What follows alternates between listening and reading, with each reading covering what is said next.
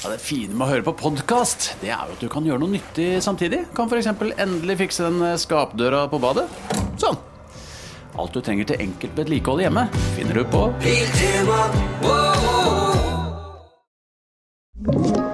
En podkast fra Podplay. Three, two, one. When liftoff.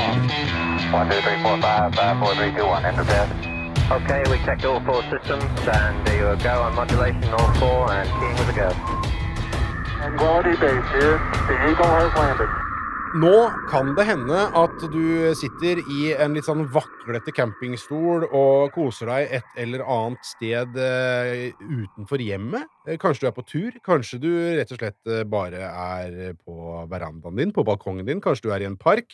Kanskje du er på jobb, kanskje du har ferie. Uansett, her er Romkapsel! Ta-da! God sommer! Vi tar aldri ferie, Vi gjør ikke det. men vi liker å være på tur. Og Ja. det er vi nå. Vi er gjennom sommeren eh, på vei gjennom vårt eh, solsystem, og har eh, denne mandagen kommet til Jupiter. Ja. Uh, og ja, hva Solsystemets største planet, det åpne spørsmålet, Eirik, hva kan man si om denne giganten? Ja, altså For det første kan man si at dette er en, en planet vi har visst ganske mye om veldig lenge, for den er så svær. Så, den har vært, så selve planeten har man jo kunnet se med teleskop i hundrevis av år. Så mye av det vi veit om planeten Så det kommer an på størrelsen. Det gjør det, faktisk. Husk på det når du bader. Ja, Nei, ja absolutt. Mm, Ja, ja, ja. ja. Størrelsen på en fisk betyr veldig mye. Ja, det var det jeg tenkte på. Fisk. Ja, ikke sant? Ja, mm, Ja, ja, det dette det er en. Ja. podkast for hele familien. Det er det. Eh, denne diskusjonen kan dere ta med familien. Bare så det er sagt, det kommer muligens litt sånn not safe for work-ting lenger nede i denne episoden, Ja. så heng med! Ja, ja, ja. Ja. Mm. Eh, men da Vi snakker jo om sonder og besøk på disse fjerne Vi gjør det. Ja. Den gode typen sonder. Uh, og, eh, og, og, og, og du kan si at så, så romsonder har selvfølgelig lært oss mye om selve Jupiter. Det har de. Vi har fått nærbilder av atmosfæren. Det fins en sonder nå som heter Juno, som tar fantastiske bilder og gjør målinger av atmosfæren. Men altså, de store gjennombruddene, må man jo si, de har nå kommet i altså, omgivelsene til Jupiter. Altså månene, for eksempel. Magnetfeltet, ringene, slike ting. Så for eksempel så er det jo takket være eh, romsonder, så veit vi nå Altså, vi vet at um, Jupiter har altså mer enn 92 måneder. Eh, Jupiter har det kraftigste planetmagnetfeltet i solsystemet med noen vanvittige strålingsbelter. De har vi vært innom før. Da vi snakket om eh, Europa med Sunniva Rose. Og Sunniva ble litt slått ut, for det var ikke hun, tror ikke hun engang hadde hørt hvor utrolig mye stråling det er på disse månedene. På grunn av magnetfeltet til Jupiter som fanger inn disse her partiklene fra sola. Mm. Så eh, det, altså, så har jo Jupiter også hatt mange sonder forbi seg, for at alle sonder som skal utover i solsystemet, de liker å bruke Jupiters gravitasjon for å få drahjelp. Ja. Så den derre slyngeeffekten, den gjør jo da at uh, det er jo seks sonder som har fløyet forbi og tatt bilder, og så er det to sonder som har gått i bane. Så Jupiter har altså hatt besøk av åtte. Og det er nå du begynner å se at tallene daler. Og fra nå av så blir det færre og færre sonder. Jo lenger ut du kommer, jo færre blir det. Og det er rett og slett Men det, men det syns jeg da veldig Altså, du ser, når du, hvis du ser bildet, da, liksom, altså Ja. sånn uh, grafisk uh, framstilling av solsystemet, da, så er jo Jupiter helt sånn sinnssvakt mye større enn en alle de andre planetene. Ja. Men altså, er det men det, det jeg synes er fascinerende, den er så langt unna, men allikevel så er det den man har klart å kunne observere best fra jorda, ba, rett og slett bare fordi den er så Mye på grunn av størrelsen, for den er så svær, ja. Ja. Og så er det selvfølgelig at den står ikke nær sola, sånn som Venus og Merkur gjør. Den kan ses midt på natten, så det har også betydd veldig mye. Ja. Så er det det at mye av det du ser på, eh, på Jupiter, som er viktig på Jupiter, sånn som stormene, eh, disse her eh, atmosfærebåndene, den store røde flekken, denne kjempestormen, Ja. alt det har jo også faktisk vært mulig å følge med på fra jorda. Så ja, nei, man har uh, Jupiter hadde man Altså, man, man hadde ganske god koll på det grunnleggende. Mm. Uh, så Men altså så, men, man, men det var jo likevel veldig mye man, man Det var allikevel et naturlig mål å sende romsonder til. Det var bare det at man, man kunne ikke sende dem på 60-tallet, for det var ikke teknologien god nok til. Fordi rett og slett avstand? Det er avstanden. Ja. Det ville bare ikke vart lenge nok. Nei, nei. Så, eh, men på 70-tallet så begynner man, og da er det to sonder som igjen i dag er litt gått i glemmeboken, for de havner litt i skyggen av Voyager. Ja. Men de var viktige på sitt vis, for de var bokstavelig talt pionerer. Altså, det er Pioneer, Ja. 10 og 11. Eh, det er tvillingsonder. NASA var glad i det på den tiden. Det var samme Voyager. Mhm. Sant? Eh, og egentlig så var jo flere av Mariner-sondene til Mars også, også ment å være en tvillingsonder. Det var en sånn eh, Mariner 8 skulle vært sammen med Mariner 9 til Mars, men den, den falt ned. Mm. Så dette var noe NASA var litt opphengt i den tiden, og det var ikke så dumt, for da hadde du backup. Backup, ja. Ja, ja. og det var igjen fordi at teknologien var ikke så god. Så da, i 1972, så ble den skutt opp i et sånn litt sånn gunstig oppskytningsvindu mot Jupiter. Og den hadde da med seg kjernekraftverk. Og den var jo da ment å vare til um, Jupiterpassasjen i 1974, og, men ingen regnet egentlig med at det skulle vare lengre. Altså selv om det var Altså, men når vi sier kjernekraftverk, så mener vi disse Små plutoniumverkene, som, som. RTG-verkene, Ja, eller ja, eh, ja. Radiothermal eh, Generator, som man fremdeles bruker. Uh, varianter av det. Men man, man var jo ikke sikre på hvor lenge de ville vare. Nei. Så man hadde liksom satt sånn i utgangspunktet at den skulle holde forbi Jupiter i 1974. Mm. Og så viste det seg at den varte jo helt til 2003. og det det er liksom da NASA begynner å skjønne at ok, disse kjernekraftverkene, de har det for seg. De, de går og går og går og går. Og da var jo pionersondene langt utafor Plutos bane.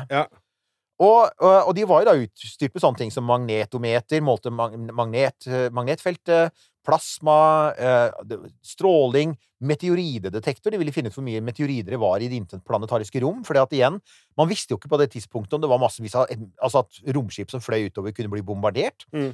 Heldigvis oppdaget de veldig få. Og så hadde de et ganske spesielt kamera. Det var et veldig primitivt kamera. Og det var Altså, det var egentlig bare en lysmåler eh, som målte punkter, og så roterte hele romsonden, og så sveipa du. Sånn at hele Så Pioneer 10 og ja. 11 roterte veldig fort. Og så, så bare så skanna du i praksis det du så på, ja. og på den måten så danna det seg et bilde, og så sendte du det tilbake, og så satte man sammen bildet på jorda. Det er som en sånn der eh, matriseskriver, det der. der. Ja. ja. Ja, det er, det er faktisk det, ikke sant? Ja, helt riktig. Uh, og, og da um, og, og, og, så, og det, så var det også sånn at For å få fargebilder, da, så måtte du også skanne i, uh, i rødt og blått. Så satte du det sammen til fargebilder. Det imponerende er at det fungerte. Det, det som var problemet med det, var at fordi det var en ganske omstendelig prosess, så fikk man bare tatt 500 bilder under passasjen, som er ganske lite sammenlignet med det vi er vant til i dag. ja. Hvor du liksom bare kan snappe Jo, bilder jo, underveis. jo, jo, men altså Men, men, men igjen, med tanke på det man hadde, så er det superimponerende. Noe av det mest imponerende er altså På vei inn mot Jupiter så laster man opp 16 000 kommandoer til de der primitive datamaskinene. De var jo nærmest holdt sammen med hyssing, ikke sant? De var jo, og, og, og disse kommandoene automatiserte jo hele passasjen, fordi Ja. Eh, det er jo, altså Jupiter er så langt unna at radiotid fort blir en time. Ja. Så du kan ikke styre det real time. Du er nødt til å automatisere. Og det klarte jo altså NASA. Ja. da, så De klarte å styre denne rare, spinnende romskipet sånn at den skanna da blant annet Jupiter. Man fikk de første bildene av Jupiters måner. Og så klarte man altså da å, å, å avdekke dette magnetfeltet. Uh, og var, man oppdaget jo da også at uh, det var for første gang så ble man klar over at Jupiter ser ut til å ha en flytende kjerne, som antagelig er årsaken til magnetfeltet. Det som Mm. kalles for dynamoeffekten. Så, så det var eh, Pioneer 10, og så kommer det Pioneer 11, passerer da i 1973. eh, og eh, ankommer Jupiter i desember 74. Og igjen, den tar da enda flere bilder av Jupiter, men den gjør en ting til. Den be gjør en sånn slyngebevegelse for første gang for å komme seg videre til Saturn. For Pioneer 11 blir da den første sonden ved Saturn noen år seinere. 1202.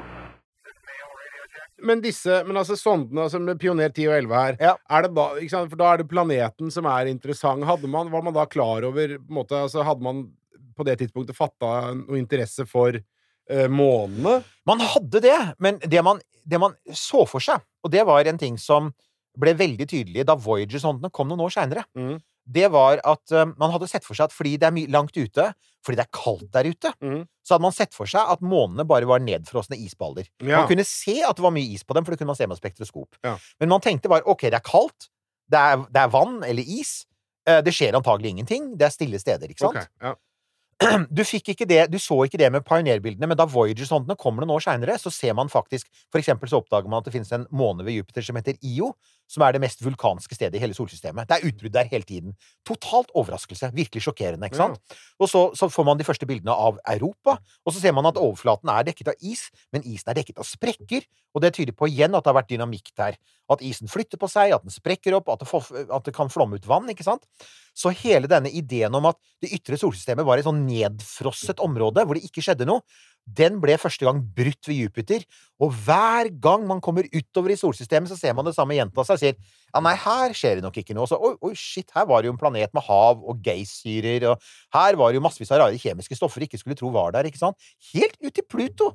Det var det samme igjen. Ja, nei, Pluto er vel så kaldt at vi ikke ser noe. Og så kommer man til Pluto, det, vi kommer tilbake til de, og så ser man wow, Pluto var jo skikkelig overraskende, ikke sant? Mm. Så det er jo det også det disse romsondene gjør, da. så, så, men så, var det jo, eh, så er det jo en ting til, da, som var spesielt med pionersondene. Mm. Og det var jo en ting som vakte ganske stor oppmerksomhet da sondene ble sendt ut på, på 1970-tallet. Og det var eh, plakettene. Eh, vi har jo snakket litt om eh, plaketten og platen som fulgte med Voyager-sondene. Ja, ja, Voyager-sendinga vår. Ja, ja. Eh, Pionersondene hadde det samme. De hadde oh. første var- variant av det. Før du satte plate på på Voyager, så hadde du bare en enkel liten plakett. Det var Carl Sagan i stor grad som fikk drevet gjennom dette. Carl Sagan var eh, den kjente astronomen Veldig mange, det, veldig mange av dere vet hvem han var. Men han var en veldig kjent astronom og biolog, og han var veldig opptatt av livet i universet. Ja. Han var også en pådriver for at man skulle ha med biologilaboratoriet til Mars ikke sant, på vikingsondene, så han var helt sentral i det arbeidet. Og, og Sagan sier da hva om disse, disse sondene blir jo interplanetariske. De kommer til å unnslippe solsystemet vårt for første gang i historien. Så kommer vi til å sende noe til stjernene. Pionersondene? Pionersondene, ja. ja. ok, så det, de også Ja, ja, så de, der ute? nemlig, de var de første. Ikke sant? Ja, Sammenligna med Voyager. Ikke sant? Og så er det Ja, Voyager, og så er det. New Horizons. Det er bare fem sonder som har gjort det. Ja. Så, så, så pionersondene er da de to første, og han sier Tenk om, en alien, tenk om aliens finner dem. Tenk om millioner av år. Det kan Mm. ta millioner av år. Tenk om de finner dem. Burde vi ikke da legge inn en beskjed for å forklare hva det er for noe? Ja. Og, det, og så gikk de litt frem tilbake, og så ok, så gjorde de det. Uh, så, så var um, kona til Carl Segen var kunstner, så hun tegna faktisk Hun tegnet uh, opp selve, uh, selve plaketten. Og så var det forskere som da laget de vitenskapelige detaljene.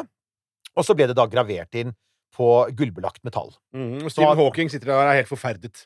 Hawking er forferdet, Ja. uh, men uh, igjen Vi har sendt TV-serier til stjernene i årevis, Ja. så jeg tenker at det er løpet er kjørt. Ja. Men uansett, da.